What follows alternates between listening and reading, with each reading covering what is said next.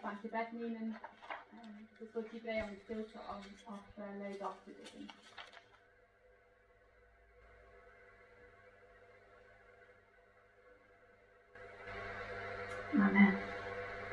Stefan voor de preek. Goedemorgen iedereen. Ik wil jullie vandaag aanspreken over hoofdstuk 12 van de Romeinenbrief. En dit hoofdstuk laat zich makkelijk in drie delen splitsen. Drie delen waaraan we onszelf moeten toetsen of onze houding wel de juiste is. Aan hoofdstuk 12 kunnen we drie vragen vastkoppelen. En die zijn één, welke plaats geef ik God in mijn leven?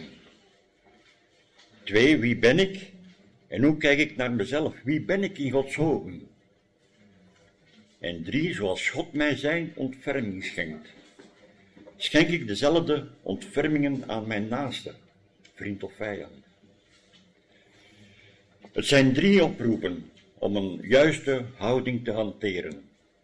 Een juiste ingesteldheid aan te nemen tegenover God, onszelf en tegenover onze naasten.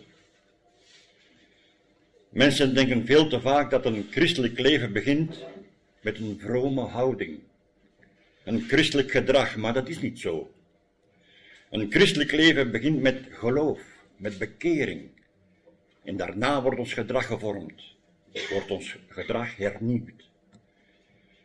Je wordt eerst behouden en daarna ga je dienen, niet andersom. Maar laten we eerst uh, God zegen vragen over het woord van vandaag. Hemelse Vader, dank u wel dat wij hier opnieuw mogen samen zijn. En dat we mogen luisteren naar, naar wat u ons te vertellen hebt. Waai met uw geest doorheen deze ruimte, heren. En beroer de harten die moeten beroerd worden. Ik wil u vragen om mij te laten spreken met de kracht van uw geest. In liefde en oprechtheid, heren. Want zonder u kan ik het niet. Zegen dit woord van vandaag, heren. In Jezus' naam. Amen. Ik wil met u lezen in Romeinen 12.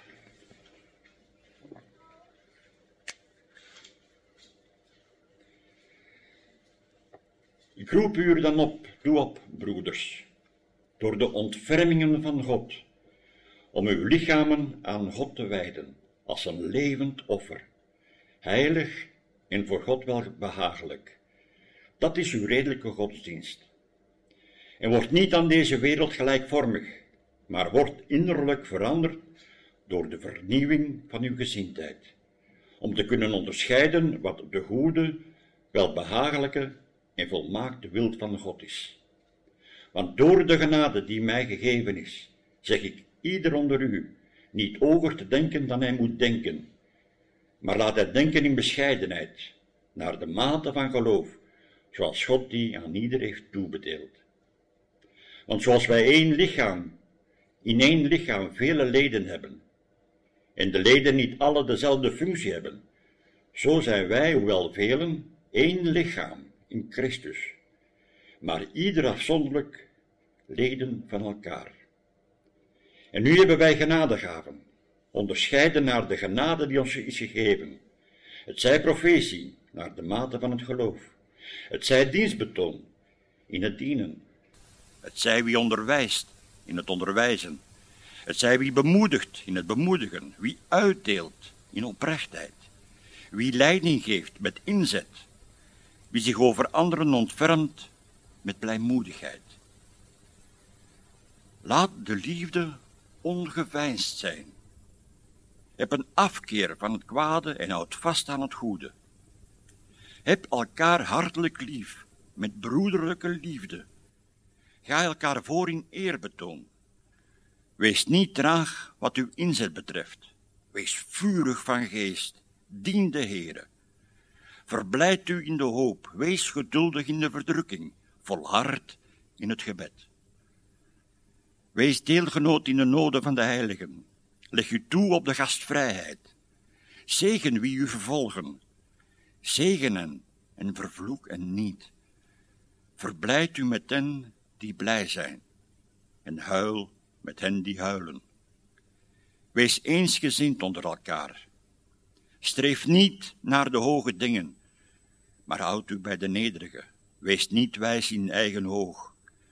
Vergeld niemand kwaad met kwaad. Wees bedacht op wat goed is voor alle mensen. Leef, zo mogelijk, voor zover het van u afhangt, in vrede met alle mensen. Wreek uzelf niet, geliefden, maar laat ruimte voor de toren, want er staat geschreven, mij komt de wraak toe, ik zal het vergelden, zegt de Heere. Als dan uw, als dan vijand honger heeft, geef hem te eten. Als hij dorst heeft, geef hem te drinken. Want door dat te doen, zult u vuur, vurige kolen op zijn hoofd hopen. Word niet overwonnen door het kwade, maar overwin het kwade door het goede. Tot daar. Aan iemand, aan iemand die Christus niet kent, kun je niet vragen de dingen te, te doen die in hoofdstuk 12 beschreven staan. Want zo iemand heeft geen weet van de ontfermingen van God. Paulus richt hier dus specifiek tot christenen. Om te beginnen doet Paulus een dringende oproep, bijna smekend, om je leven volkomen toe te wijden aan God. Hij doet er geen oproep om de kerk te steunen. Hij doet geen oproep op onze talenten.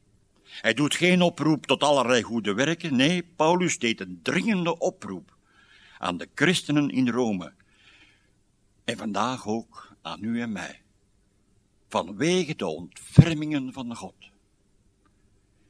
De NBG-vertaling spreekt over de barmhartigheden van God. Dat wil zeggen de dankbaarheid om de dingen die God ons onverdiend heeft gegeven. God schenkt redding, schenkt vergeving, schenkt bescherming en biedt ons een toekomst. God wil betrokken zijn. Hij wil zijn plaats nemen in het leven van één ieder die in hem gelooft. Wanneer we deze onverdiende geschenken van God hebben leren kennen en zijn dienaar zijn geworden, dan roept Paulus op om onze lichamen aan God te wijden als een levend offer, heilig en God wel behagelijk. God is geïnteresseerd in ons hele bestaan. Niet alleen in uw ziel, maar ook in uw lichaam en in uw verstand. U hebt zich bekeerd en u uw ziel en geest toebehoren aan God, zegt Paulus. Zo hoort u ook uw lichaam en uw verstand aan Hem te geven. Hij vraagt u om uw lichaam te geven als een levend offer. Met dit offer verwijst Paulus eigenlijk terug naar de gebruiken in het Oude Testament. Als je in het Oude Testament een offer bracht, dan was je klaar. Je bracht je schapen, je graan of wat ook, en als je dat geofferd had, was het voldoende. Dat was voor hun een redelijke godsdienst. Of herendienst, zoals de NBG-vertaling het aangeeft. Het grote verschil tussen het Oude en het Nieuw Testament is dat door de kruisdood van Christus er een einde gemaakt is aan al die offers, omdat Christus zichzelf heeft geofferd tot vergeving van onze zonden. Er zijn geen slachtoffers meer nodig. Wel een levend offer, een offer dat heilig en God wel behagelijk is. Als je jezelf nu aan God aanbiedt als een levend offer, dan ben je daar nooit klaar mee. Je offert jezelf continu aan Hem, elke dag, elk uur, elke minuut, ook nu. Dat is uw redelijke herendienst. En daarom wordt u bijna smekend opgeroepen om vrijwillig uw lichaam te schenken. Uw oren waarmee u luistert, uw ogen waarmee u kijkt, uw mond waarmee u spreekt, uw voeten die uw richting bepalen, uw handen waarmee u werkt. Geef hem uw lichaam. Dat is wat God van ons verlangt, uw volkomen overgave aan hem. En daarom ook lezen we in Deuteronomium 6, vers 5, Daarom zult u de Heer, uw God, liefhebben met heel uw hart, met heel uw ziel en met heel uw kracht, uw lichaam. En het Nieuwe Testament voegt eraan toe, en met heel uw verstand. Bij het lichaam hoort het verstand. Het is wel duidelijk dat wat je met je lichaam doet, doorgaans afhangt wat je verstand voorkoudt. Zoals het lichaam een schaduw werpt om zich heen, zo werpt het, verstand een schaduw over je leven. Paulus zegt in vers 2 dat we als Gods dienaar niet gelijkvormig aan deze wereld mo mogen worden. Om het met de beeldspraak te zeggen, eigenlijk zegt hij: Wees geen chameleon, maar een rups.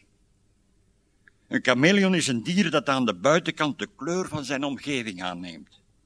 Waar je hem ook neerzet, hij past zijn uit altijd aan, aan de kleuren van zijn omgeving. En dat is nu juist wat een christen volgens Paulus niet moet doen. Wees geen chameleon. Laat de wereld niet uw ambitie en uw richting bepalen. Laat u niet beïnvloeden door uw denken. Uw verstand moet onafhankelijk blijven van de wereld, maar alleen afhankelijk van God. Een rups daarentegen is een diertje dat op één dag een volledige metamorfose ondergaat. Van een griezelig, heng diertje naar een prachtige, veelkleurige vlinder. En de kleuren die die vlinder tentoonspreidt zijn echter niet overgenomen van zijn omgeving. Nee, die kleuren zijn in het verborgene van binnenuit gevormd. Los van zijn omgeving, tot op de dag van zijn metamorfose, waarop zij zichtbaar worden en wij ze kunnen bewonderen. Dat is wat je Paulus bedoelt. Ook het innerlijke van een christen moet bij zijn bekeringen metamorfose ondergaan, in de kleur van zijn denken. En die kleur moet op zeker moment naar buiten komen, zodat anderen die kunnen zien. Het is geen metamorfose die zich, zoals bij een rups, die zich op één dag voltrekt. In 2 Korintiërs 4:16 lezen we dat ons innerlijke van dag tot dag wordt er vernieuwd. Tot op onze laatste dag hier op aarde. Het is een voortdurend proces waarin wij veranderen naar het beeld van Christus. En wij als in een spiegel zijn heerlijkheid weerspiegelen. Elke dag worden onze kleuren mooier. Een christen wiens denken van binnenuit hervormd is, zal altijd aantrekkelijker zijn dan de christen die zich aanpast aan zijn omgeving buiten de kerk. Met andere woorden, de kleuren moeten de kleuren van Christus karakter zijn. Als we andere mensen gaan nabootsen, dan is één ding altijd onmogelijk. We gaan nooit op Christus lijken. Dat kan nooit van buitenaf. De wereld zal de kleuren nooit in u kunnen produceren. U kunt het wel proberen, maar het zal u niet lukken. En sommigen proberen ook wel, maar vroeg of laat vallen ze door de mand. Is het niet nu, dan zeker wel op de dag van het oordeel.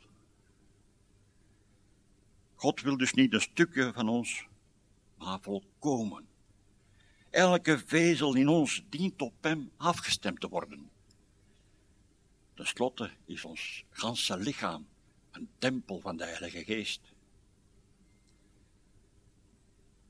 Zo komen we bij de tweede houding, de juiste houding tegenover onszelf. In de wereld is het vaak zo dat je zelfbeeld bouwt op je prestaties. Je zegt dat je een goed mens bent, want je doet dit of dat. Of je, je hebt die of die positie bereikt. En misschien voelt iemand zich wel superieur. Paulus zegt dat we over onszelf geen gedachten moeten hebben die meer zijn dan we in werkelijkheid zijn. Dat je opgeblazen bent. Dat we te hoog denken van onze eigen capaciteiten. De kunst is jezelf lief te hebben zonder dat we verwaande egotrippers worden. Jezelf liefhebben heeft misschien een, een rare bijklank. Een beetje zelflouterend gevoel. Maar dat zou niet mogen zijn. Christelijk dienstbetoon wordt maar al te vaak geblokkeerd omdat mensen nooit nuchter hebben nagedacht over wie ze werkelijk zijn in Gods ogen. U weet wel wat het tweede gebod van de Heer Jezus zegt.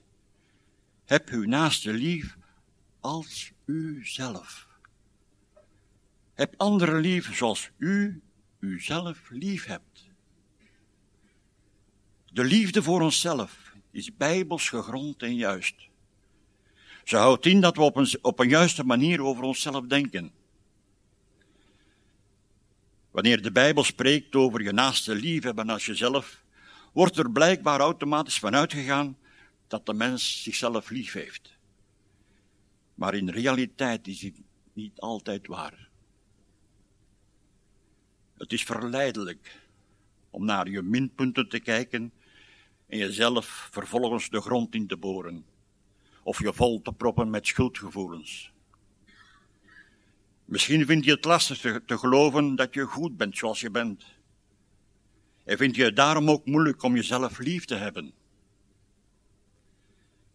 In mijn zelfbeeld staat de schijnwerper vaak op de dingen waarin ik tekortschiet. Oké, er zijn wel dingen die ik goed doe, maar die vallen onmiddellijk onder de noemer, dat is normaal. Maar het zijn de dingen waarin ik tekortschiet, die blijven plakken in mijn geheugen en laten mij in strijd gaan met mijn zelfbeeld. Herkent iemand zich daarin? Het is een moeilijke, want onze tekortkomingen houden we liever achter een gesloten deur. We laten niet graag in onze kaarten kijken. Maar we hebben allemaal tekortkomingen. Wij zijn mensen. En ik, maar, ik kan mij helemaal terugvinden in wat Paulus zegt in Romeinen 7, 19. Want niet wat ik wens, het goede, doe ik. Maar wat ik niet wens, het kwade, dat doe ik. En twee versen verder zegt hij, zo vind ik dan deze regel. Als ik het goede wens te doen, is het kwade bij mij aanwezig. Als we onszelf puur als mens willen ontleden, dan krijgen we alleen maar een verwrongen beeld. Als je de liefde voor jezelf spiegelt aan je eigen maatstaven, dan schieten we al snel tekort. Als je de liefde voor een ander laat bepalen hoe die ander zich naar u opstelt, dan is ons potje liefde al snel leeg. Ondanks al onze tekortkomingen blijft Jezus ons lief hebben. Als ik probeer het goede te doen, doe ik niets verkeerd. Los van het feit of, of het mij nu wel of niet lukt, ondanks mijn tekortkomingen, ondanks ik hem geregeld teleurstel, blijft Jezus mij toch lief hebben. Het Bijbelse, je naaste liefhebben als jezelf, is alleen uit te voeren als je God als jouw bron van liefde ziet. Vraag aan God dat je naar jezelf en naar de ander kan kijken met zijn ogen. Godgerichtheid, oprechtheid en nederigheid zijn de sleutels om jezelf lief te hebben. Het mensbeeld van een christen wordt gevormd door hoe God de mens ziet, in plaats van hoe de mens zichzelf ziet. God schiep de mens naar zijn beeld en gelijkenis. Zeg mij eens, wie bent u volgens de Bijbel? Hoe denkt u dat God naar u kijkt? Het antwoord vinden, vinden we in zijn woord. En ik ga er een vijftal opsommen. 1, 1 Johannes 4. U bent geliefd. U bent geliefd. Laat deze diep doordringen. U bent geliefd. Zijn liefde voor u is geen abstract idee of, of gevoel, maar is concreet geopenbaard door het kruisoffer van zijn enige geboren zoon. En het lezen we onder andere ook in Johannes 3, vers 16. Want God had de wereld zo lief, dat hij zijn enige zoon heeft gegeven, opdat iedereen die in hem gelooft niet verloren gaat, maar eeuwig leven heeft. En ik ga dit even parafraseren.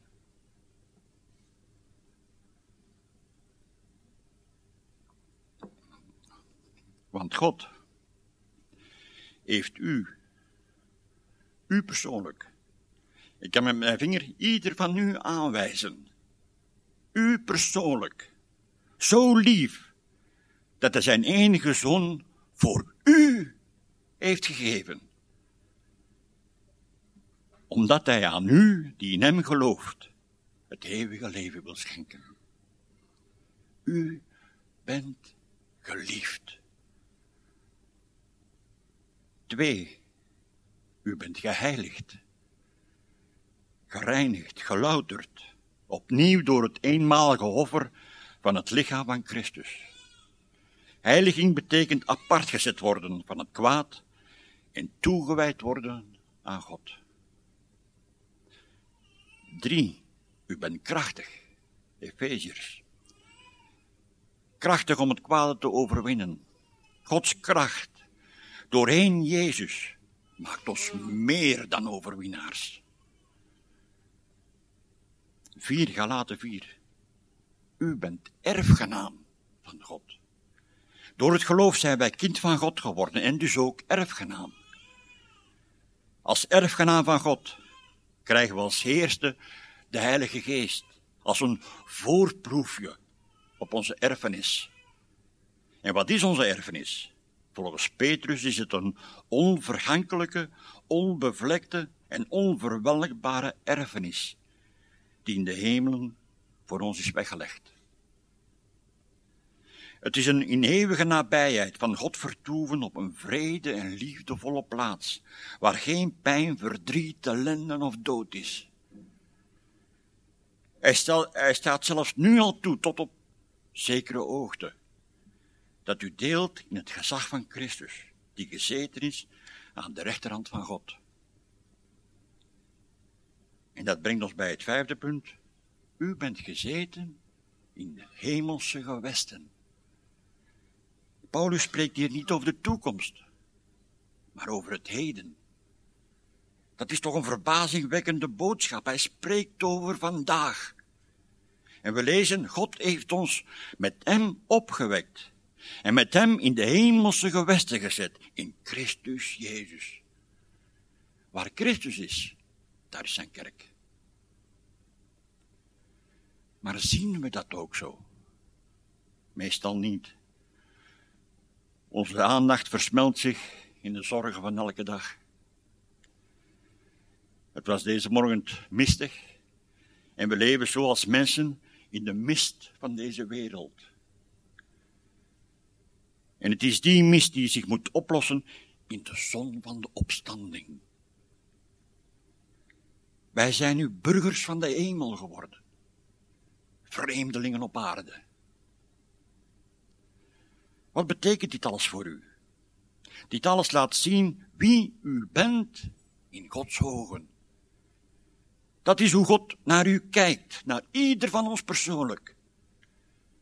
God zegt dat je zijn geliefde, krachtige, heilige erfgenaam bent, die met hem in de hemelse gewesten zit. Jezus' liefde voor u is dan ook de bepalende factor voor uw identiteit. Door uw geloof in hem. Jezelf liefhebben is dus God binnenlaten en hem de leiding geven over je leven. Niet alleen in je hart, maar ook in je ziel, lichaam en verstand. Eigenlijk komt het hierop neer. We moeten niet minder van onszelf denken, maar minder aan onszelf. En dat is een groot verschil. Minder van jezelf denken, dus jezelf neerhalen, is een satansleugen die alleen maar kan leiden tot minderwaardigheidsgevoelens, met alle gevolgen van dien. Met minder aan jezelf denken, richt je je meer op de ander. 1 Corinthians 10, 24 Laat iedereen niet zijn eigen voordeel blijven zoeken, maar dat van een ander. De Bijbel noemt dit zelfverloochening.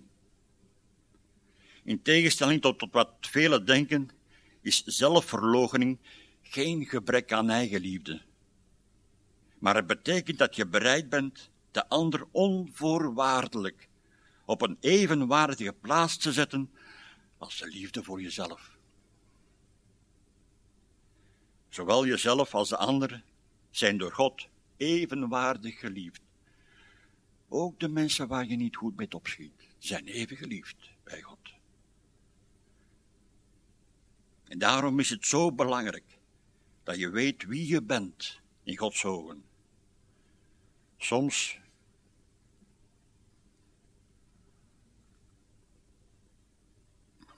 soms, en ik benadruk soms, gebeurt het wel eens, als ik s morgens uit mijn bed kom en de badkamer binnenstrompel, dan kom ik voor een spiegel te staan die nooit liegt.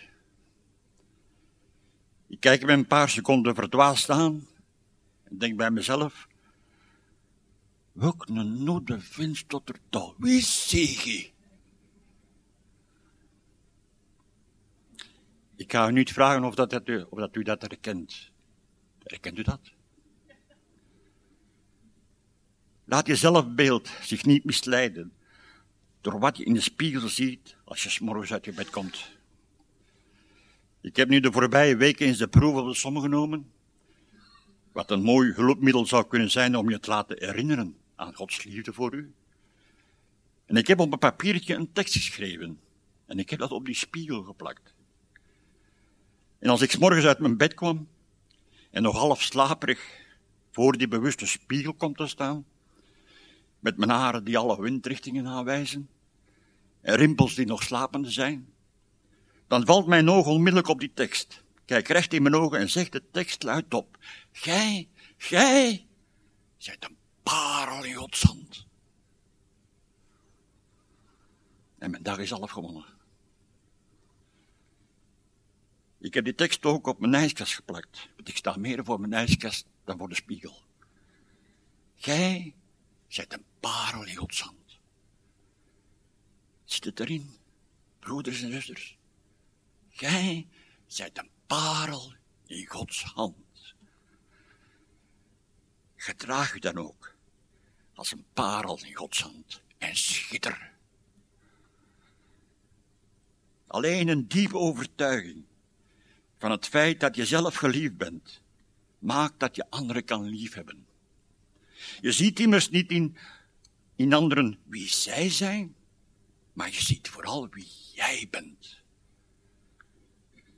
Zonder eigenliefde kan er geen liefde voor anderen ontstaan zoals God het bedoeld heeft. Jezus stelt, stelt deze twee liefdes aan elkaar gelijk en maakt ze onafscheidelijk van elkaar.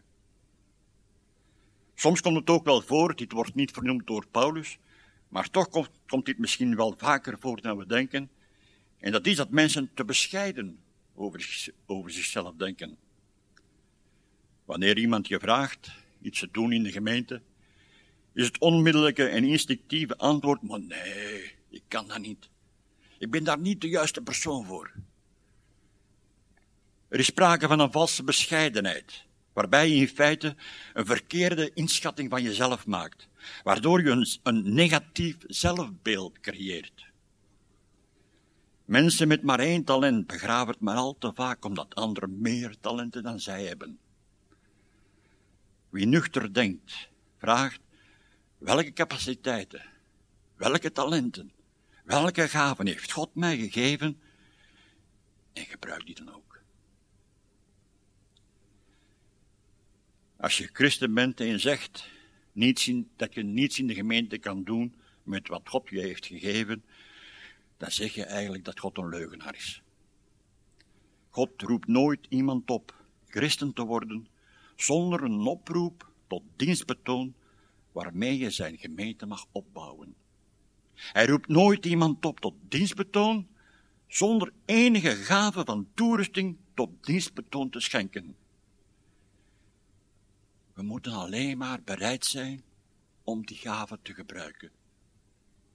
U kent wel die uitspraak. Als u bereid bent. En hoe gaat het dan? Niemand? Als u bereid bent, dan maakt God bekwaam. Hij heeft voor iedere christen een opdracht op het oog. De kerk is geen plaats voor passagiers, alleen maar voor een bemanning. Een gemeente is als een roeiboot. Er liggen evenveel roeispanen in als dat er mensen in de boot zijn. Helaas neemt niet iedereen een roeispaan in de hand. Het is Gods bedoeling dat iedere christen nuchter nadenkt over de vraag: wat kan ik doen in de gemeente tot opbouw en welzijn? En wat tot eer en lof is van Gods naam. En zich vervolgens aanbiedt om de roeispaan in de hand te nemen. Paulus somt hier zeven gaven op. Ik ga ze niet opsommen, maar lees ze thuis nog eens na en breng het in gebed. Wat u ook doet, doe het met heel uw hart, ziel, lichaam en verstand. Dat is uw redelijke eredienst of godsdienst. Als u zijn oproep tot dienstbetoon blijft negeren, zou u wel eens een grote zegen kunnen mislopen. Wat denkt u dat voor God de favoriete plek is om met u aan de slag te gaan? Dat zijn de plekken waarin we zwak zijn. Waarom? Omdat de dingen waarin we sterk zijn, daarin vertrouwen we te veel op ons eigen kunnen. En daarentegen de plekken waar we zwak zijn, daarin kan God zich volledig tot zijn recht komen. En zijn krachten vollen ontplooien. In alle heerlijkheid en oprechtheid kan ik mezelf daarin als voorbeeld stellen. Ik sta hier voor u in mijn zwakheid. Ik ben geen welbespraakt iemand, nooit geweest en zal het nooit worden. In mijn tienerjaren kreeg ik wel eens een beeld voor mij waar ik mezelf voor, zag praten voor een menigte. Maar op dat moment was het totaal absurd om te denken dat dit ooit realiteit zou worden. Ik kan mezelf heel goed vinden in wat Mozes zei toen God hem naar de koning van Egypte stuurde. In Exodus 4. O heren, ik ben geen man van het woord. Nog sinds gisteren, nog sinds eergisteren. Nog sinds gij tot uw knecht gesproken hebt. Want ik ben zwaar van mond en zwaar van tong. O heren, zend toch iemand anders. Ik zei precies hetzelfde. Ik kan dat niet. Tot mijn vijftigste heb ik in groep nooit het woord genomen. Ook niet in familiekring. Ik was te beschaamd. En toch word ik sinds mijn bekering twintig jaar geleden gedrongen naar de spreekstoel. U zal het zo niet bezien, maar u, u hebt mij voor mijn bekering nooit ontmoet. Ik zat honderd kilometers hier vandaan. Maar voor mij is dit niet alleen een voorrecht, maar zeer zeker ook een wonder. Dus zegt Paulus, denk nuchter over wat u allemaal van God hebt gekregen. Denk in overeenstemming met het geloof. Dat is de maatstaf die God u heeft gegeven. Hoe verschillend de gaven bij ieder ook kunnen zijn.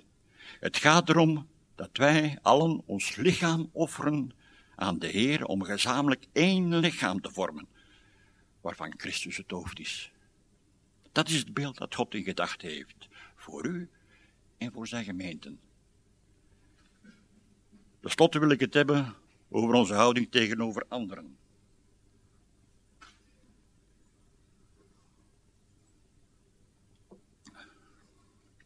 Vers 9 zegt dat onze liefde oprecht moet zijn.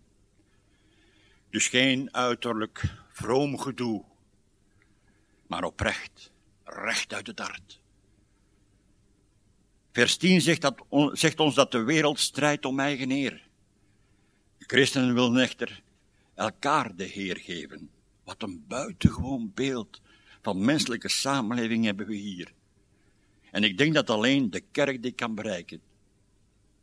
Het woord dat hier voor broederliefde wordt gebruikt, is familiale liefde. Wij vormen geen godsdienstige club, geen vereniging, geen hobbyclub, geen organisatie, maar een familie. En daarom is broederliefde de juiste houding. Vers 11 spreekt over het enthousiasme. Die vitale gloed Mensen die in Christus zijn, behoren in vuur en vlam te staan. Het evangelie dat wij hebben te verkondigen. Christus die onze verlosser is. De hemel waar wij op weg naar zijn. Oh, wat een dag zal dat zijn. Dan is het haast ondenkbaar om een onverschillige of lauwe houding aan te nemen. Ja, toch?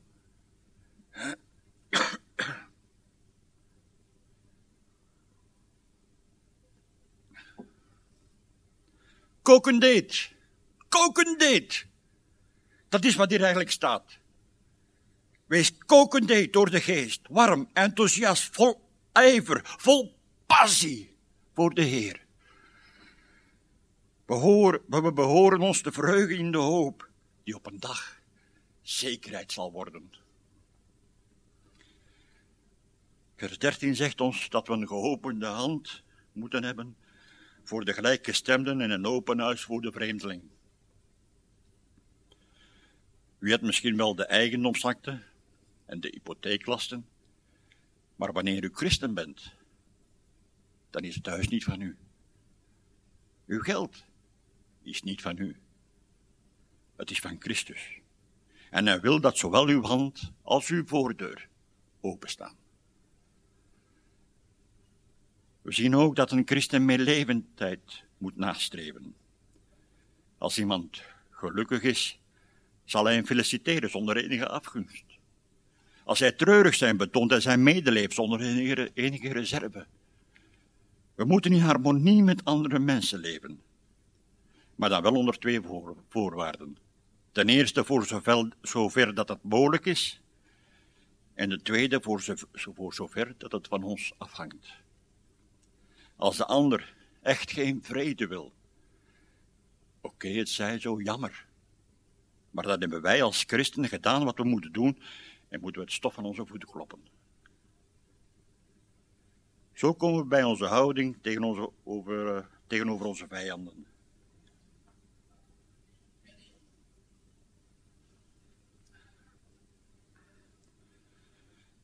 Er zijn mensen die ons vervloeken, spotten en misbruik van ons maken.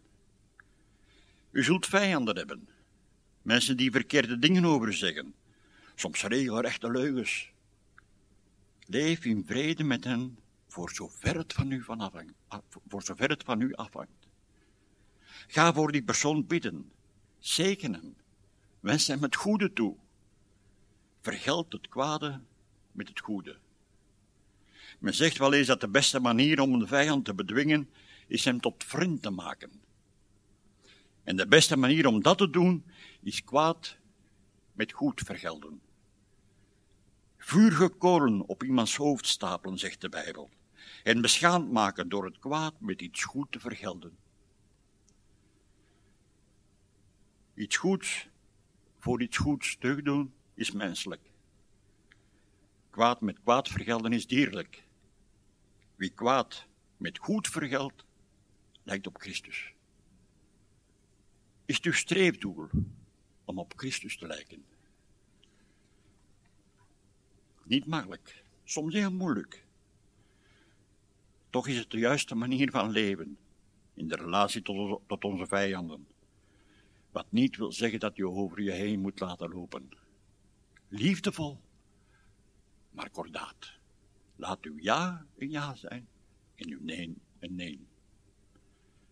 God zal u het verdiende loon geven voor wat zij u hebben aangedaan. Hij is de enige die dat kan doen zonder boosaardige gevoelens van wraak. Hier hebben we dus de drie houdingen van christenen gezien. Drie houdingen die elkaar aanvullen. Johannes zegt in 4, 1 Johannes 4:11: Geliefden, als God ons zo lief had, moeten ook wij elkaar lief hebben. Kennelijk horen het liefhebben van God, het liefhebben van jezelf en het liefhebben van de mensen om ons heen zo bij elkaar dat het een zichtbaar wordt in het ander. En daarmee gebruik je je lichaam als een levend offer. Wanneer God u verlost heeft, wanneer God u gerechtvaardigd heeft, wanneer God u die prachtige toekomst heeft beloofd, dan vraag ik u dringend, broeders en zusters, met een beroep op Gods ontfermingen, dat u de juiste houding tegenover God aanneemt door hem uw kracht, uw hart, ziel, lichaam en verstand te geven. Dat u de juiste houding tegenover jezelf aanneemt en nuchter nadenkt over uzelf naar mate van het geloof. En dat u vervolgens de gave die u, die u hebt gekregen, dat u ook de bereidheid hebt om die te gebruiken op de plek zoals God het wil. Ik vraag u dringend de juiste houding tegenover anderen aan te nemen, ook naar uw vijanden toe. Dan zullen de mensen werkelijk zien dat u bent verlost om te dienen en zal u een weerspiegeling zijn met Gods heerlijkheid. Wees geen chameleon, maar een rups. En ga je straks naar buiten als een veelkleurige vlinder. Met kleuren die in het verborgene gecreëerd zijn. Of zoals Jezaja het mooi zo mooi zegt, sta op en schitter. Amen.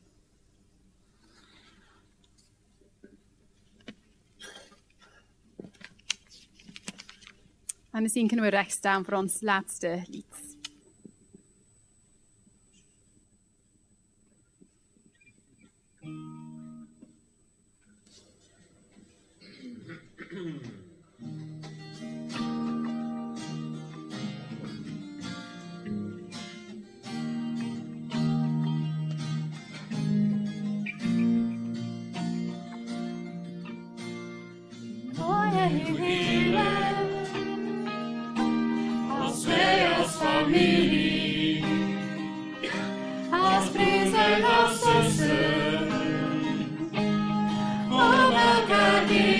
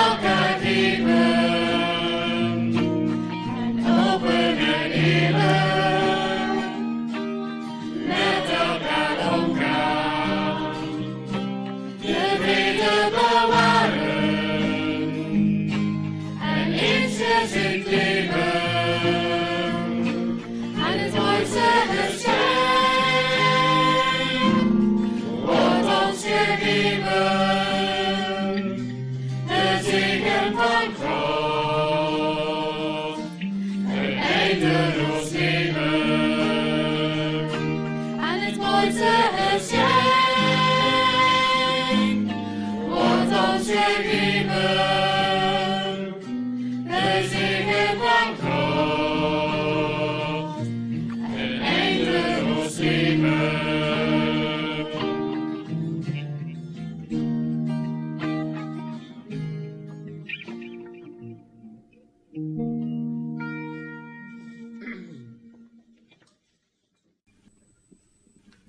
We zijn aan het einde gekomen van de dienst en zoals altijd, God voorziet, Stefan. Mozes kreeg Aaron en hij krijgt Ingrid. Hè? Dus God voorziet. Nog de mededelingen. Ik wil misschien nog de mededelingen, of één mededeling, in verband met uh, de papa van Danny. Zoals we kunnen lezen is hij ongeneeslijk ziek. Maar vooral dat hij, en dat is ook het verlangen van Danny, dat hij tot bekering mag komen dat Danny nog een gesprek kan hebben met zijn papa, zodat hij werkelijk tot uh, bekering mag komen. Ik hoop dat we er ook in de komende week uh, daar extra voor bidden. Dan wil ik ook nog een keer de aandacht vestigen op uh, het, of die weekenden van openbaringen. Zoals u kunnen zien op jullie groen blaadje, kunnen we dat ook volgen via YouTube. Misschien, ik hoor van de mensen die geweest zijn dat het echt heel interessant is. Dus ik zou aanraden om ook te kijken. En dan hebben we ook nog een, uh, een weekend, of, een weekend, of op donderdag 21.10 en op uh, donderdag 18.11. Dat is het puntje 7 van de mededelingen. Namelijk hier in de kerk gaat er door attent een avond of twee avonden door over het huis van rouw. Het gaat namelijk over verlies en verdriet die we misschien op de een of andere manier allemaal meemaken. En het wordt inderdaad, zoals ik al heb gezegd, georganiseerd door Attent. Het zou misschien ook wel goed zijn om hier aanwezig te kunnen zijn. Er is heel wat te doen en inderdaad, we kunnen ons daar ook voor inspannen. Dan wil ik nog afsluiten met uh, een zegen. En wat kan ik jullie zegenen? Er was gisteren iemand bij ons, een broeder met zijn zoon, en we waren een beetje aan het gesprek. Hij was gaan fietsen en hij was binnengekomen. en die zoon ging al een tijdje niet meer naar de kerk. En dat zien we nu de dag van vandaag vaak na corona. Ook misschien hè, jongeren, ze zijn alleen, ze hebben uh, misschien een beetje ontgoocheld in de kerk. En dan zei ik tegen hem, weet dat Jezus misschien morgen terugkomt. En ik denk dat dat een gedachte is die we elke dag, en ik zou dat ook willen meegeven aan jullie, van misschien komt Jezus wel terug morgen. Ten eerste geloven we dat. Geloven we dat, net zoals ik vanmorgen al aanhaalde van Abraham, hij geloofde wat God zei, ook al leek het onmogelijk. Of zijn we zoals Sarah, die misschien lachen, ja, misschien morgen zou Jezus werkelijk morgen terugkomen, de dag van vandaag met al die technologie. Dat is een keuze dat jij moet maken, maar God, in hoeverre dat je staat. Maar ik ben ervan overtuigd, het woord van God is de waarheid en misschien kan morgen Jezus terugkomen. Zijn we klaar? Zijn we klaar? Zo, dan wil ik afsluiten in gebed. Vader, we danken u, Heer, dat wij uw woord van kaf tot kaf mogen geloven, Heer. U bent werkelijk een levend God. En laat ons dat ook meer en meer diep in ons beseffen, Heer, dat het, het woord van God echt is. Heer, dat we echt geloven in dat woord. Dat we van overtuigd zijn dat de dingen die daarin staan ook zal zo geschieden. Ook al zijn de omstandigheden misschien voor ons moeilijker om te begrijpen, Heer, maar uw woord is de waarheid. U bent de waarheid. Heer, voor ieder die hier vandaag aanwezig is, vraag ik dat ook, Heer, geloof. Heer, in uw woord staat en u zei dat ook tot ons, zal ik nog geloof vinden op aarde. Heer, geef ons dat geloof, omdat we inderdaad niet tekortschieten, maar dat we mogen groeien. Geef ons dat geloof, Heer, omdat we werkelijk op u willen gelijken, zoals we gehoord hebben, maar ook in dat woord tot ons inprenten en dagelijks tot ons nemen en ook uitstralen. En vertellen, want Gere, velen zullen verloren gaan als ze niet doen, niet geloven in de Zoon van God, die voor ons gestorven is. Gere, zegen ons allen, ook deze komende week. Gere, we denken vooral ook aan de zieken, en bijzonder ook nog aan Danny en aan zijn vader, Heer, dat hij inderdaad ook tot bekering mag komen, maar ook voor alle andere zieken. Heere, bidden we Heer, dat zij ook vooral onze kinderen die nog niet tot bekering zijn gekomen, bidden we, Heer, want U bent een verhoorder van onze gebeden, Heer. En we danken U daarom. In Jezus' naam. Amen. Nog een fijne week toegewenst.